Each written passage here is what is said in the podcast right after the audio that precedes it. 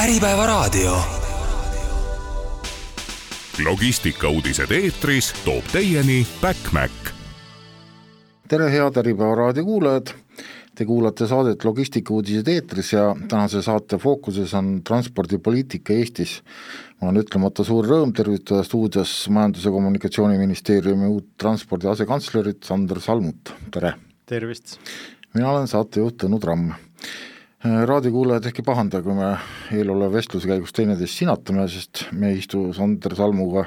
täpselt mitte esimest korda siin stuudios, nii et et nii on vast mugavam seda vestlust arendada. Sander, sa alustasid kolmeteistkümnendal märtsil äh, uues ametis, ehk siis MKM-i äh, transpordi asekantsleri äh, ametikohal, see on siis veidi enam kui kuu aega tagasi või kaks kuud tagasi, jah ja veidi enam kui nädal pärast Riigikogu valimisi. ehk siis vaevalt said sa nii-öelda uues kabinetis oma koha sisse võtta, kui tuli ko-, koalitsioonilepe välja, kus siis öeldi, et äh, transport kolib MKM-ist üldse ära uude ministeeriumisse. tol hetkel veel ei teatud ju täpselt sedagi, et äh, mis selle mini-, ministeeriumi nimeks saab ja ja, ja nii edasi, et äh, tõenäoliselt oli teil samamoodi seal paras, paras segadus tol hetkel või? tõsi ta on, et äh, ma olen ka ise naljatades öelnud, et et üks põhjus, miks äh, erasektorist tagasi riigisektorisse tulla, oli võimalus uuesti töötada Majandus- ja Kommunikatsiooniministeeriumis, et mul olid väga positiivsed kogemused äh, oma eelnevast perioodist ja napilt kuu aega saimegi seal töötada, kuigi jah, tõsi, juriidiliselt täna veel äh, Majandus- ja Kommunikatsiooniministeeriumi nime all, sest äh, ametlik tähtaeg äh, ministeeriumite muutmiseks on esimene juuli, aga, aga küll jah, tõsi ta on, et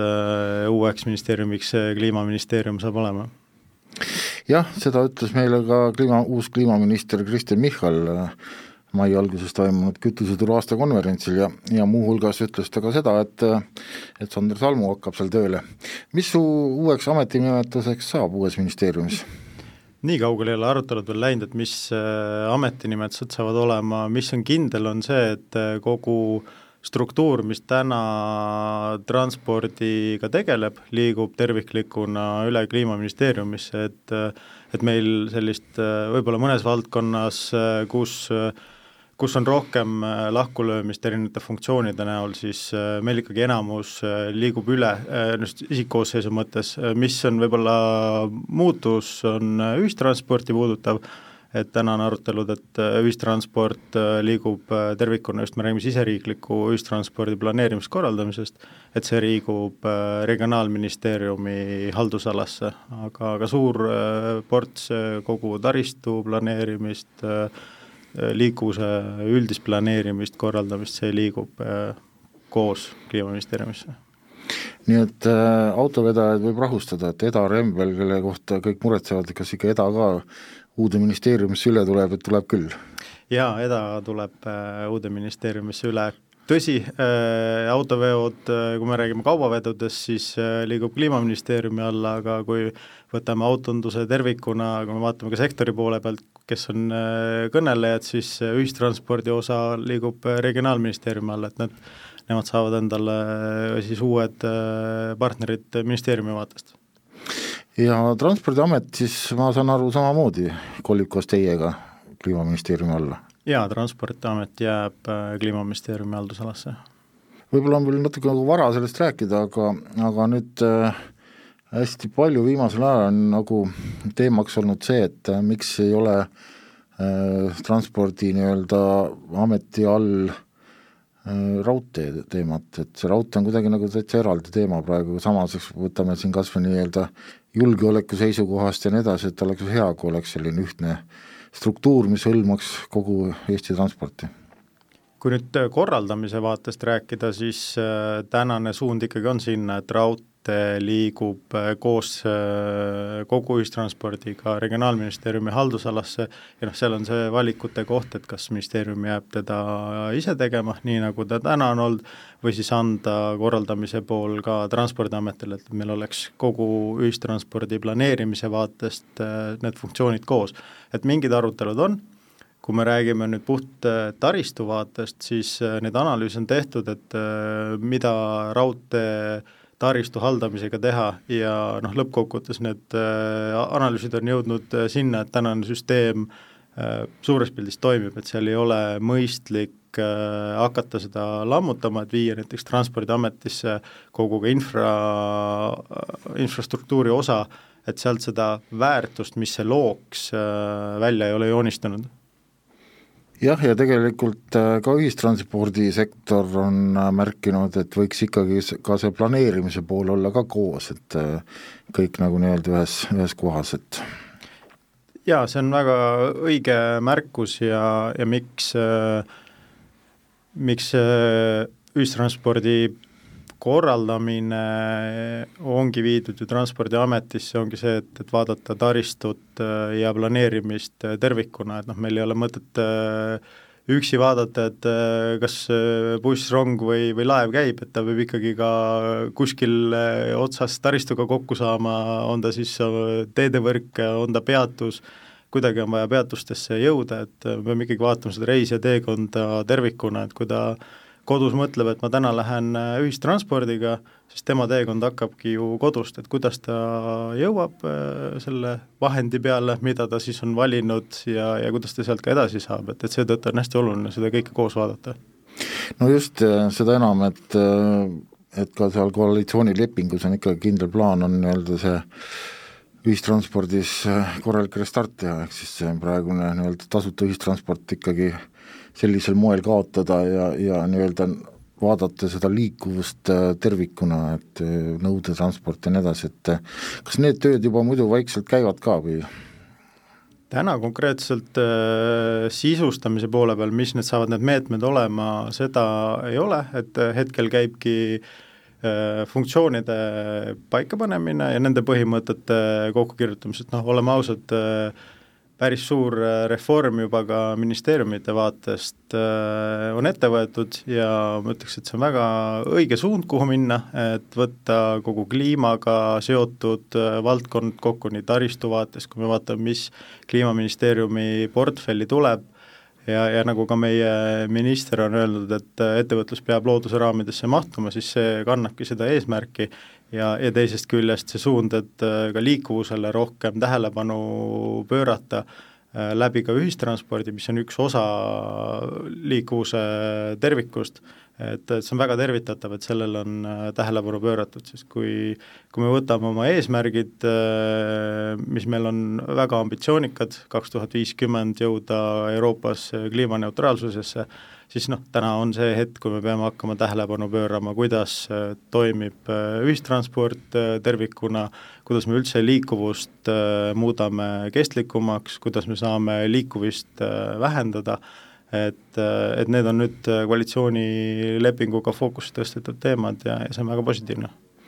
ma saan aru, et ka see nii-öelda kõik need teemad, mis puudutavad taristuehitust ehk maanteede ehitust ja need ikkagi ka tule, on, jäävad sinnasamma, kus nad praegu on? jaa, see kokkulepe on, et kõik, mis puudutab äh, taristut, äh, liigub äh, Kliimaministeeriumi haldusalasse, et et see samuti jälle võib-olla kordan ennast, aga see ühistranspordi poole pealt äh, üks on planeerimine ja korraldamine, mis liigub Regionaalministeeriumi haldusalasse, aga kogu taristu ja kui me räägime näiteks äh, rongidest või äh, ka uutest äh, parvlaevahangetest, et siis see on ikkagi kliimaministeeriumi haldusalas, et, et sinna see suund täna, täna on võetud. nii et ka raudteetaristu on siis nagu selles mõttes jääb, jääb teie hallata? Jaa, ka raudteetaristu jääb äh, Kliimaministeeriumi hallata ja, ja Rail Baltic näiteks äh, üks äh, oluline projekt äh,. Palju on räägitud sellest, et äh, Eesti raudteeveod ei suuda konkureerida maanteevedudega, et noh, et justkui nagu oleks selline rohelisem see raudteevedu ja kaubad võiksid rohkem raudteele minna,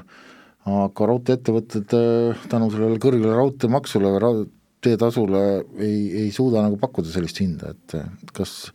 need küsimused on ka plaanis kuidagi üle vaadata? eks loomulikult äh, kaupade liikumine maanteelt äh, raudteele on, on eesmärk, mõneti on need eesmärgid, eesmärgid said seatud enne olulisi muutusi, mis meil on näiteks Venemaa sõjaga Ukraina vastu tekkinud, et noh, meie raudteekauba maht on väga palju kukkunud, et tänu sellele kogu raudtee üleval hoidmine on noh, ma ütleks kardinaalselt äh, muutunud, aga see küsimus või mure ei ole ainult äh, Eesti kontekstis, et kui me vaatame Euroopa äh, ma nüüd vabandan ette, kui ma eksin, aga oli Euroopa Komisjoni poolt tehtud analüüs äh, et, et see mure on üle Euroopa, et kuidas äh, tagada seda eesmärki ja saavutada seda eesmärki, mis on võtta, et, et viia kaubavedu äh, maanteelt äh, raudtee peale, et, et eks me jah, ei ole siin üksi, aga see eesmärk ei ole kuhugi kadunud. kui palju te teete koostööd näiteks Läti riigiga, et noh, siin ju teadupoolest Läti raudtee võttis ju suures osas üle Operaili kaubavedusid ja ja, ja, ja teiseks nagu see piiriülene raudteetransport ka on ikkagi praegu, ma saan aru, suhteliselt äh, segane seis on, et Eesti vedurijuht ikka Lätti minna ei tohi, et kõikide muude transportidega mingit probleemi ei ole, aga, aga, aga aga raudteel on. Tõsi, et raudteel on väga spetsiifiline ka regulatsioon, mis äh, oluliselt määrab, kuidas äh, tohivad nii vedurijuhid, kuidas see opereerimine riikide vahel toimib ja, ja sama sujuv ta ei ole kui maanteetranspordi poole peal, aga ettevõtted ütleks, et äh, igapäevaselt otsivad seda võimalust ja, ja see nii-öelda Balti-ülese koostöö küsimus on, on laual, et et jällegi me jõuame sinna, et need mahud on niivõrd palju äh, kukkunud, äh, me räägime niisugustes äh, kümnetes protsentides, mis on äh, kaubaveomahud kõikides riikides kukkunud, et eks see avaldab oma, oma mõju, kuidas seda logistikat äh, käima panna, aga aga see töö, töö käib. jah, ega siin ju isegi kui lätlased siin äh, midagi veavad, siis nad parema meelega veaksid ju selle oma sadamasse, kui, kui kuskile Paldiskisse või muu eks transpordi poole peal lõppkokkuvõttes määruvad nagu kaks asjaolu, et üks on hind et me peame tervikuna vaatama mitte ainult raudteed, vaid ka lõpuks see sadama, sadamatasude hindasid, äh, see määrab ja teine on siis nagu kliendi soov, et ja kliendi asukoht, et kuhu tal edasi vaja minna on. Et noh, lõppkokkuvõttes äh, Läti, kui me vaatame altpoolt äh, tulles, on, on enne meid ja võiksime öelda, et ju kõik kaup võiks ju Lätti minna, aga, aga ometi Eestis äh, transiit ka mingil kujul äh, veel õnneks on jätkunud, et et ikkagi seda tuleb tervikuna vaadata ja see töö, töö käib, et, et seda transiiti leida ja uutest koridoridest leida, et äh, hästi palju, kui ma olen rääkinud erinevate erialaliitudega, võtame siin, ma ei tea, rahvusvahelist autovedajate assotsiatsioon või autoettevõtete liit või või õliühing või noh, neid on päris mitmeid, rääkimata Eleast, et äh, nagu tihti kurdetakse nagu seda, et ei leita nagu seda vastaspoole partnerit, kellele oma muresid kurta ja, ja ei võeta nagu kuulda, et et kas nüüd võib, võid lubada, et nüüd uues ministeeriumis see asi saab ka nüüd suhe nii-öelda ettevõtjatega paraneb? Ma isegi natuke üllatunud äh, sellest, et ei ole partnerid, sest äh, noh, seesama küsimus, et kas jah, tegelikult ma täpsustan jah, et tegelikult selles mõttes partner justkui on eh, nii-öelda ministeeriumi ametnike näol, kes nagu kõik nagu oskavad ja tahavad aidata, aga ütleme just sealt edasi nüüd see poliitiline tahe hakkab sinna taha takerduma pigem. Eks loomulikult vaated võivad erinevad olla, võib-olla siin on küsimus lõpuks selle kommunikeerimises, et et noh, kõikidele asjadele paratamatult ei saagi vastu tulla, et siin lähevad äh, võib-olla soovid ja, ja võimalused äh, lahku, aga kindlasti see ärakuulamine, kaasamine ja diskussioon äh, on minu poolt avatud ja tervitatav ja oodatud, et võib julgelt rääkida ja ja juba esimesed diskussioonid on olnud, et ma usun, et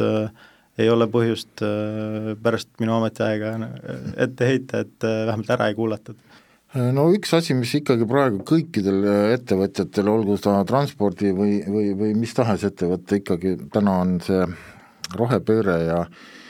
ja nagu siin Autoettevõtete Liidu juht Kersten Katta eelmine nädal äh, logistikauudises ka kirjutas, et äh, tegelikult segadust on palju ja ega ja ega transpordiettevõtted ka ei tea, et kuhu suunas nüüd peaks liikuma kas nüüd ütleme, sellised teemad noh, eks nad suuresti kõik, mis puudutab makse, on raha, Rahandusministeeriumi otsustada, aga ikkagi kütuseturu aastakonverentsil jäi ettevõtjate poolt või vedajate poolt üsna selge sõnum, et meil on ju tegelikult olemas lahendused, mida aga nagu väga ei ole nagu Eestis tahetud äh, soodustada, et noh, kunagi sai paika pandud see biogaasi teema, vahepeal siin äh, need hinnad gaasiautodel läksid ju selliseks, nagu nad läksid ja, ja neid ei olnud lihtsalt mõtet nagu väga osta ettevõtjatele, aga samas meil on olemas ju see taastuvtoorainest tehtud diislikütus, ehk siis nii-öelda see HVO. Eestis küll tõsi, ainult Neste pakub seda laiemas valikus, aga aga nagu sealt konverentsilt jäi ikkagi mm, mulje, et ega tegelikult ju tootjad Euroopas on palju ja seda võiksid vabalt ka äh, kõik teised Äh, hakata müüma ja sisse ostma, kui oleks piisavalt turgu. aga turgu ei ole, kuna see hind on vedajatel liiga kallis ja keegi ei ole nõus seda kinni maksma, et et kas mingisugune võimalus on teil ka nagu neid öö, äh, otsuseid, sest see on ikkagi otseselt ju kliimat puudutav teema? pigem äh, nagu suund äh, ja vaade pikemas perspektiivis, et kuidas me üldse äh, liigume üle taastuvatele kütustele. Ja tõsi ta on, et ega kogu energiasektori poole pealt, kui me räägime kütuste osas just, mida transpordivahendid äh, kasutavad, ja ka sõidukite enda siis äh, regulatsiooni osa on äh, päris kardinaalses muutumises, noh sisuliselt me räägime äh, niisugust äh, saja aasta pluss äh, põhimõtete äh, ümberkirjutamisest ja on täiesti mõistetav, et see toob kaasa endaga palju küsimusi, palju teadmatusi, ütleks, et nagu esimesed sellised selgemad suunad äh, on ka Euroopa poolt äh, paika hakanud saama, kui me räägime näiteks äh, sõiduautodest ja, ja väikekaubikutest, siis äh, kokkulepe, et kaks tuhat kolmkümmend viis aastaks on vaja saavutada olukord, kus kõik turule lastud uued sõidukid oleks siis nullheitmega, ehk et see tootjad peavad saavutama sada protsenti autopargist nullheitme järgmine aspekt, mis tuli, on äh, taristut puudutav, äh, nüüd äh, umbes kuu aega tagasi jõuti Euroopas kokkuleppele nii-öelda alternatiivkütuste taristu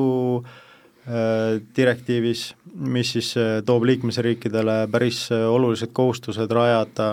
just taast-, alternatiivkütuste, alternatiivkütuseid tarbivatele sõidukitele taristu, et kui me räägime näiteks äh, väikesõidukitest, siis on ette nähtud äh,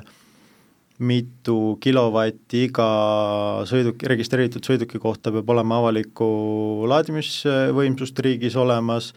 ja, ja ka ette nähtud äh, siis nii-öelda kilometraažid, kui kaugele ja kui võimsad laadimisjaamad peab riik tagama, et oleks olemas samuti on need äh, nõuded ka ette nähtud veoautode laadimistaristusele, et noh, need on täiesti erinevad äh, laadimistaristud, sõiduautod ja, ja veoautod, ja, ja kolmas äh, aspekt on seal vesiniku laadimistaristu siis olemasolu tagamine liikmesriikide poolt ja, ja see ei ole niimoodi, et meil küll tähtaeg on kaks tuhat kolmkümmend ja selleks ajaks peab valmis olema, vaid et liikmesriigid juba kahekümne viiendaks aastaks peavad teatud protsendi taristust äh, valmis saama, kaks tuhat seit-, kaks tuhat kakskümmend seitse on järgmine etapp, kus see protsent on kõrgem, ehk et meil ei ole äh, enam sellist nagu lõtku, et noh, ootame võib-olla viimane aasta hakkame siis arendama, et meil tegelikult äh, ka riigina on vaja hakata kohe seda taristut arendama. Ja noh, see annab selle suuna kätte, et me räägime vesinikust, ja elektrisõidukitest, et täiesti mõistetav on see, et äh, meil on erinevad äh, veoliigid, meil on erinevad transpordiliigid, mis erinevat kütuseid kasutavad, aga noh, tänase teadmise juures on need, need äh, kaks siis suunda, kuhu nii-öelda taristu vaatest edasi liigutakse. nii et nagu äh, laiemas plaanis siis tegelikult seda HVO-d Euroopa Liit nagu ei tunnista alternatiivkütuseks jah, kui me räägime maanteetaristust, siis äh, hetkel ei ole. Äh,, küll äh, mis on nüüd äh, raskeveokeid äh, puudutav ja mis ei ole veel ju kokkulepet saanud, on seesama CO2 eelnõu, millega komisjon äh, välja tuli, kus siis komisjoni ettepaneku kohaselt kaks tuhat nelikümmend on vaja saavutada olukord kus, kus üheksakümmend protsenti uutest registreeritud veoautodest on siis nullheitmega aga tõsi, see on alles komisjoni ettepanek ja see diskussioon hakkab pihta, et noh, kus on meie nagu riigina huvi, on kindlasti biogaas. Et äh, riik on oluliselt investeerinud sinna ja ka äh, järgneval nüüd sellel perioodil Euroopa rahadest on, äh, on eesmärk biogaasi lahendusi siis toetada, ehk et see on kindlasti riigi jaoks nagu oluline, et me oma investeeringuid saaksime edasi kasutada. no ühistranspordi kohta räägitakse või noh, ütleme, on see eesmärk, et vist ma saan aru, et kaks tuhat kolmkümmend juba nagu nullheitmega uued äh, bussid peaks tulema, ehk siis äh, äh, biogaas ei ole null, nullheitmega, et see on ikkagi mõeldud elektri või siis vesiniku, aga ilmselgelt kahe tuhande kolmekümnendaks aastaks me vesinikubussi ju ei saa, et et siis see biogaasi taristu või tankimistaristu, mis on nüüd nagu Tallinnas, Tartus näiteks ühistranspordile loodud, et siis nagu neid siis nagu enam noh, kasutada ilmselt saab, aga ütleme, uusi busse enam juurde osta ei saa. no see komisjoni ettepanek tõesti on, et äh, kaks tuhat kolmkümmend aasta peavad bussid olema kõik sada protsenti nullheitmega, aga jällegi, et tegemist komisjoni ettepanekuga ja kindlasti riigina peamegi siin vaatama, et milline on äh, see meie nägemus ja, ja meie taristu ja mis me peame mõistlikuks ja ma ütlen, see biogaas, kui me oleme seda juba riigina toetanud, siis see on kindlasti üks asi, mida, mida ma näen, et äh, me peaksime lauda tõstma, et, et jätkata biogaasi kasutamist. Äh, sa ütlesid, et äh, riigil oleks nüüd nagu mõistlik siin natuke kaasa rääkida ja vaielda, et tegelikult siin eelmine minister ju vaidles ka, et seda tühisõitu nagu ei kehtetataks selle mobiilsuspaketi raames, aga ma saan aru, et et ei, ei õnnestunud mitte midagi muuta. See mäng ei ole veel äh, lõppenud, äh, paar nädalat tagasi oli, nagu me teame ju, äh, seitse liikmesriiki vaidlustas mobiilsuspaketi neliteist aspekti Euroopa kohtus, muuhulgas kahega nendest ka liitus Eesti, et üks on see veoautode tagasipöördumise kohustus ja teine on siis äh, töötajate lähetuse nõuded, ehk et äh, täna ei ole tegelikult Euroopa Kohus veel äh, otsustanud, kas äh, need sätted on kooskõlas Euroopa Liidu õigusega või mitte, ehk et nõuded kehtivad, täna neid peab rakendama, aga lõplik tõde veel on selgumata, et, et ütleme siis päris kustunud see lootus ei ole, et, et see säte pööratakse ümber no igal juhul on ta üsna, üsna räiges vastuolus nii-öelda selle rohe, rohesuunaga, et praeguste diiselmootoriga veokeid sinna tuhandeid kilomeetreid edasi-tagasi tühjalt veeretada, et see kuidagi ei klapi selle plaaniga. Täiesti nõus ja, ja see on ka üks äh, argument, millega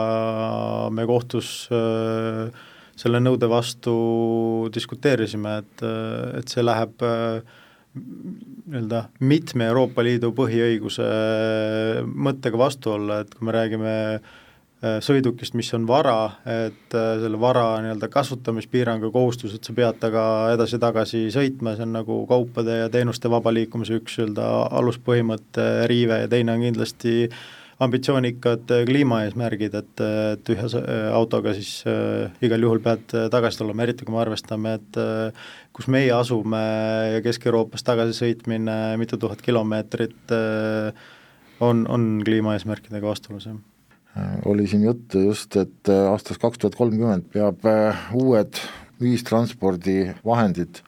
olema sisuliselt kas elektrilised või vesiniku toel, noh mis tegelikult laias laastus on üks ja sama, et mõlemad liiguvad elektri toel. et ähm, millised võimalused on Eestis, siin hästi palju on räägitud nii-öelda sellest vesiniku taristu äh, algatamiseks või kui kaugel need teemad üldse praegu on?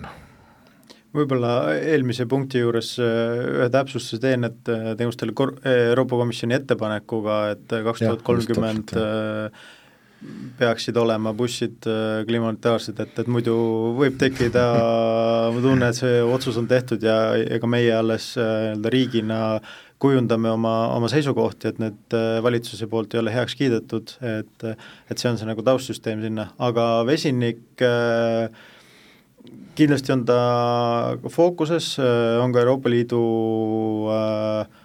rahastust planeeritud sinna päris arvestatavas ulatuses, et vesinikutehnoloogiaid arendada, aga eks peab jah nentima, et see vesinik, ta on küll niimoodi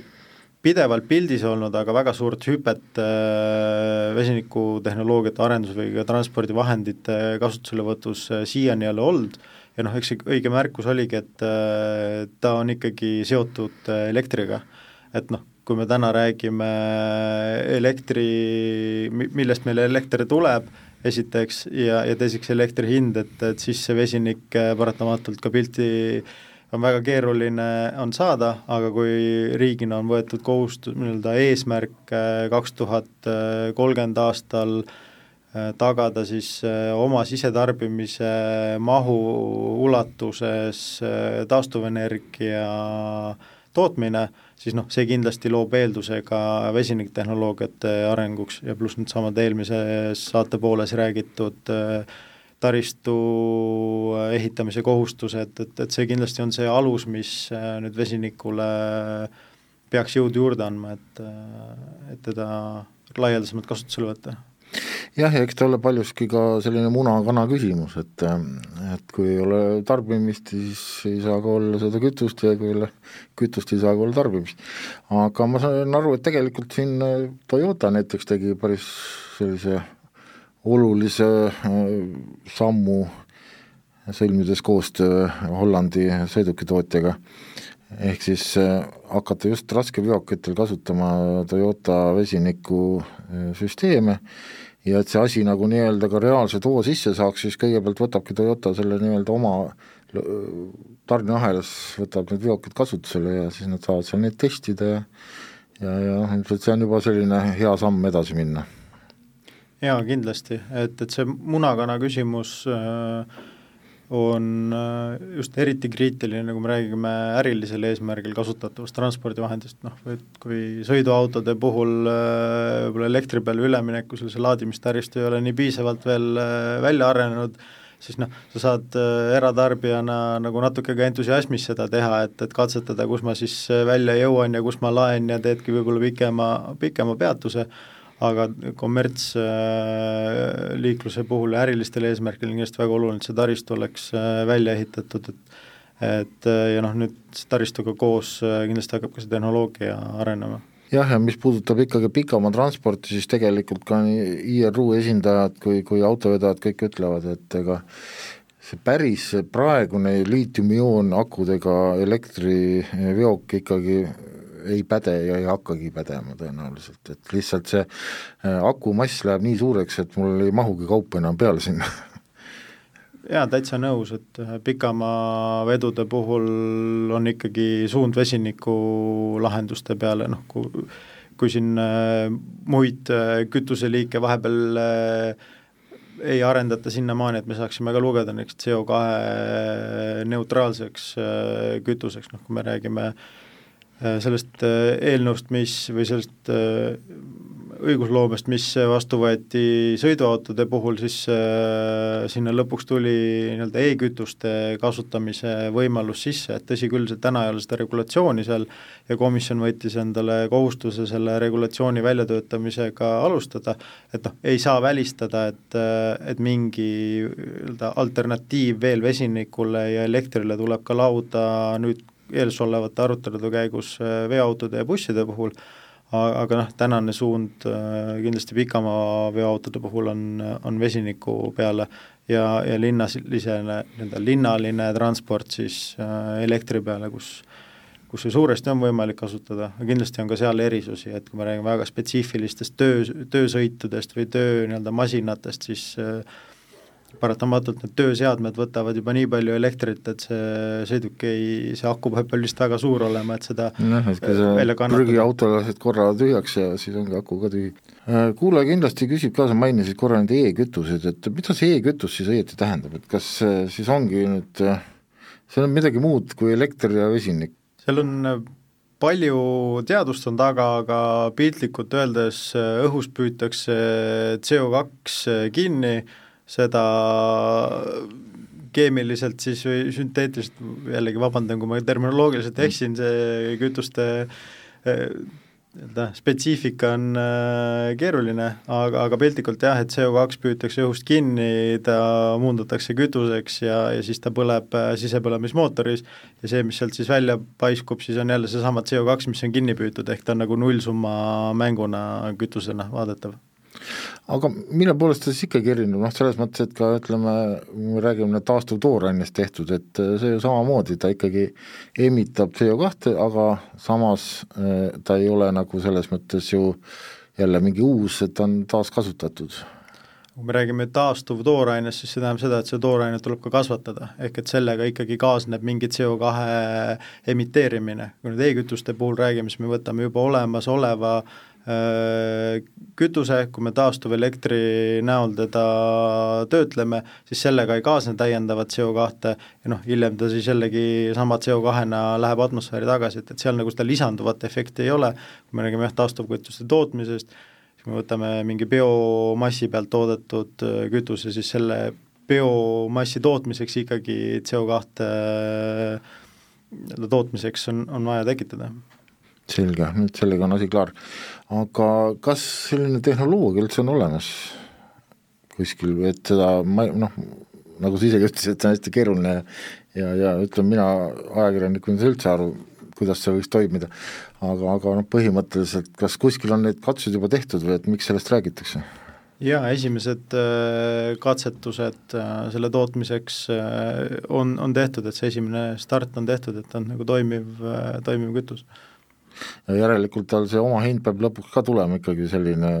enam-vähem mõistlik. jällegi on tema eelduseks äh, taastuvenergia ja, ja odav taastuvenergia, mis äh, mida on äh, suures mahus, et saab toota sellist kütust, et aga jällegi me liigume sinna suunda, et me riigina oleme võtnud selle eesmärgi taastuvkütust toota, on ta siis tuulikute või, või päikseparkide näol et, et ja, ja ka teised riigid tegelikult ju liiguvad äh, jõuliselt äh, taastuvenergia tootmise poole, et, et see e-kütuste tootmine on tugevas seoses sellega, et kui äh, suur on siis riigi või mõne äriühingu nii-öelda võimekus toota taastuvat elektrit luban veel paar rumalat küsimust. kas e-kütusest rääkides räägime vedelkütusest, gaasilisest või mõlemast? Äh, vedelkütusest, et äh, kuna ta on võimeline põlema samades äh, sisepõlemismootorites, mis ka tegelikult kogu selle sõiduautode regulatsiooni diskussiooni üks keerukuskoht oli, et noh, kuidas sa hiljem suudad vahet teha, et millist kütust siis automootoris põletatakse, et kas ta on nii-öelda e-kütus või on ta fossiilne kütus, et seal peab mingi oma regulatsioon ja oma tehnilised seadmed juurde tulema, aga piltlikult jah, ta on äh, kasutatav äh, tänastes sisepõlemismootorites ja ka kogu see ülejäänud taristu sinna juurde on äh, sama. nii et põhimõtteliselt äh, ikkagi jõuame ringiga sinna, et ta on enam-vähem sarnane asi, nagu on see HVO diisel, ehk sul ei ole vaja uut tehnoloogiat, saad kasutada olemasolevaid mootoreid, saad tuua kõige tavalisem tanklasse seda ja, ja tankida nii, nagu tavalist vedelkütust. ta on siis nagu pigem bensiini asendaja, ma saan aru ta jah, ütleme, on siis äh, sisepõlemismootorina kasutatav äh,, aga mis on jah, tema nii-öelda võib-olla see ainukene miinuspool selle juures on see, et äh, kogu CO2 äh, väärtus siis ei vähene, et me hoiame küll sama CO2 ringluses, aga kui me liigume näiteks elektri peale, siis äh, noh, meil ei, ei teki ka seda, kui kuskil CO2 ära seotakse, siis meil seda juurde nagu põleta-, nii-öelda transpordivahendite liikumise panemiseks ei teki, aga e-kütuste puhul me sama koguse võtame, sama kogus läheb uuesti ka jälle loodusse tagasi, et, et me nagu ei, ei seo kuidagi, ei vähenda seda CO2 hulka. nojah, et kui me räägime nagu piltlikult öeldes mootori bensiini asendajast, siis ütleme ka siis äh, transpordisektoris tõenäoliselt väga palju see kasutust niikuinii ei leiaks, et äh, enamus veokeid töötab ikkagi nii-öelda ju diiselmootori põhimõttel. jaa, eks seda tulevik näitab, et, et kui palju ta kasutust leiab ja kas see tehnoloogia areneb nii nii kaugele, et ta lõpuks ka saab olema konkurentsivõimeline teiste noh, kas me räägime puhtast elektrist või, või vesinikust, et, et see on kindlasti üks aspekt. Kütuseturu konverentsil vedajate esindaja Euroopa Komisjoni juures,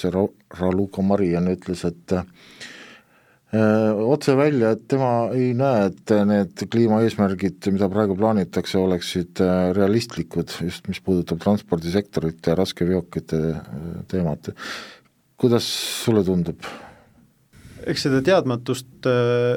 on palju ja, ja eks see suur küsimus on see tehnoloogia arenemise nii-öelda kiirus või, või võimalus areneda nii kiiresti, kui need eesmärgid on seatud, et eks need diskussioonid äh, saavad äh, ees olema, et noh, see üldraamistik tegelikult ju on paigas, et äh, kaks tuhat viiskümmend kliimaneutraalseks Euroopa on võtnud endale kohustuse liikuda, et, et tõsi, on sektoreid, milles see muutus saab olema keeruline, transport kindlasti on üks,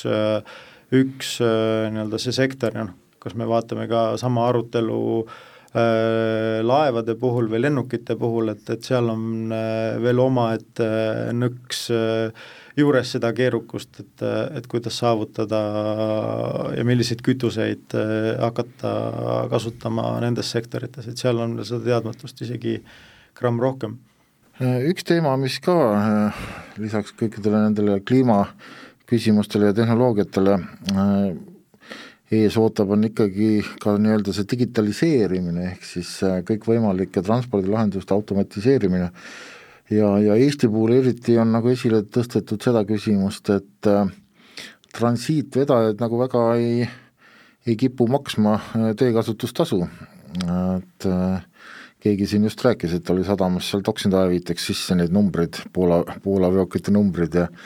ja, ja päris palju tuli sealt välja neid, äh, kes tegelikult ei ole maksnud ja üldiselt ega vist politsei nagu ka väga,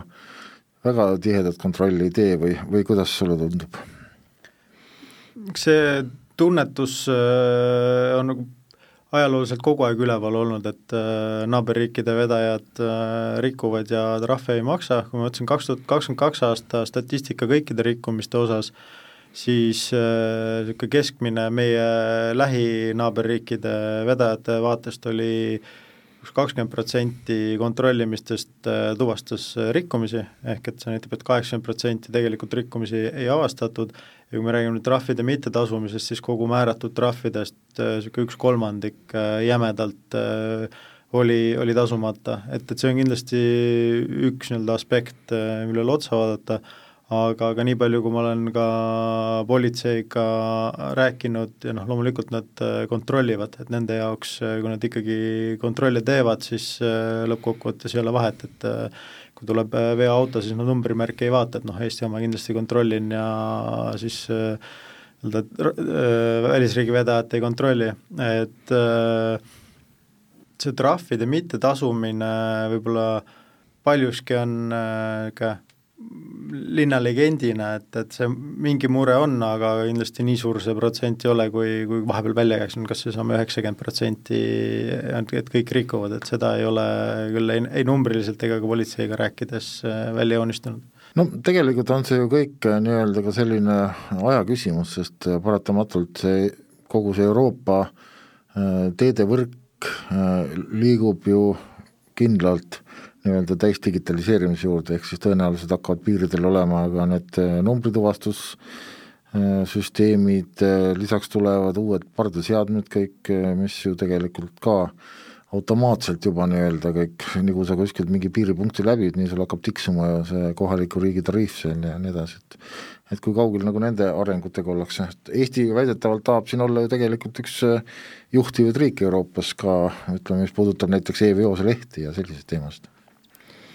jaa, e-veose leht, äh, Eesti on äh, juhtpartner üle-euroopalises äh, projektis ja selle eestvedaja, et, et see digitaliseerimine mitte ainult nii-öelda äriliselt vaatelt ja kuidas ettevõtteid aidata, siis ja ka just riigi vaatest on, on kindlasti laual ja, ja selle ideega me läheme edasi, et, et, et analüüsida automaatse järelevalve kasutamise ütleme siis laiendamist, võimaldamist, et, noh, tänane see järelevalve loogika on olnud see, et äh, tuvastatakse rikkuja ja, ja tema siis pildistatakse üles, kui me soovime liikuda nagu täiskontrolli poole, siis see eeldab ka seda, et äh, nagu iga sõiduk, äh, mis on, tuleb üles pildistada, et et, et see võib-olla üks on nagu põhimõtteline muutus, aga, aga ma olen kindlasti seda meelt, et, et see on suund, kuhu poole minna, et noh, kui me vaatame ka tänast arutelu, mis meil riigis üldisemalt toimub, et me peame otsima efektiivsemaid ja kokkuhoiu äh, Äh, kohti, siis noh, kas on nagu mõistlik, et äh,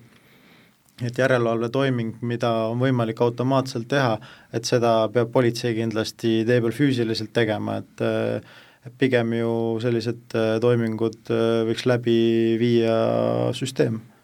automaks ei ole küll otseselt nüüd Transpordiameti teema ilmselt, aga aga samas kaudselt ikkagi puudutab äh, sest autoregister on ju teadupoolest ikkagi osa Transpordiametist ja ja sealt vist vaatab ju tegelikult vastu päris nukker pilt, et äh, me oleme ilmselt üks Euroopa vanima autopargiga riik ja tegelikult nagu siin vist oleks kohta küll, et kuidagi seda asja korrastada, kas maks oleks nagu ainus lahendus või võiks veel mingisuguseid, mis, mis äh, hoobasid võiks olla? kindlasti Äh, automaks on üks äh, võimalus suunata tarbija käitumist, ma ei ole nüüd küll isiklikus vaates ülemäära veendunud, et see paneb ja see on nii-öelda võluvits meie vananeva autopargi vaates, sest noh, automaksu eesmärk peaks olema ikkagi suunata nagu tuleviku käitumist ja pigem ökonoomsemate autode poole, jah, mida vanem auto, seda äh, nii-öelda, ütleme nende heitmeklasside vaatest, äh, on need heitmeklassid äh, järjest kehvemaks lähevad, mida vanem auto on, aga aga kindlasti vananeva autopargi võluvits, ma arvan, et äh, suures plaanis ei, ei ole automaks, et ta pigem ikkagi üldist tarbijakäitumist keskkonnasäästlikkuse poole peaks suunama, et mis mis kindlasti nagu autopargi vanust võiks mõjutada on kütuse hind, et äh, kui ikkagi vanem auto, siis ka see kütusekulu, noh, mida uuem auto me ostame, seda väiksemaks juba tänu ka regulatsioonidel on see kütusekulu läinud, et kõik need komponendid kokku äh, muudavad, aga, aga jah, see nii-öelda suurt hüpet äh, loota ei kütusetasust või siis kütuse hinnast ega ka automaksust ma isiklikult ei tunne, et, et see võiks mõjutada, et et paratamatult äh, peame oma elatustaset vaatama ja noh, see paljuski ju taandub sellele, kui, kui jõukad äh, me oleme, et endale väga uusi autosid osta. Aga noh, ma ei tea, esmaregistreerimine vanematele autodele kõrgemaks, et see natukene ikka aitaks. Kindlasti automaks, eh, on ta siis nii-öelda registripõhine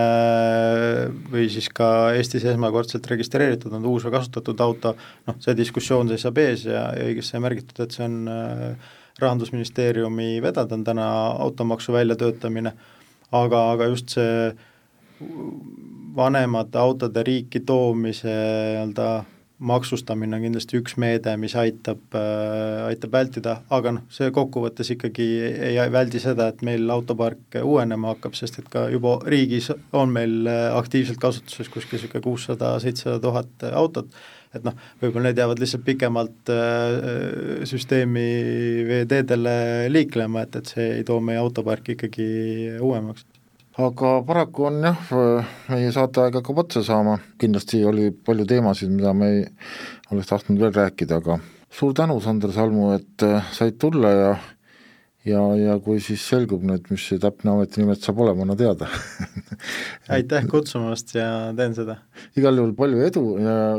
tundub vähemalt äh, meie logistikauudiste lugejate poolt tagasisidena ka, et ikkagi see mõte kui selline äh, Äh, koondada kogu see transpordivaldkond uue kliima, kliimaministeeriumi alla on iseenesest hea ja, ja mida vähem killustamist kas või siin ühistranspordiga seoses saab olema, et see on veel parem. suur tänu kuulamast, kohtumiseni taas järgmises saates, kõike head!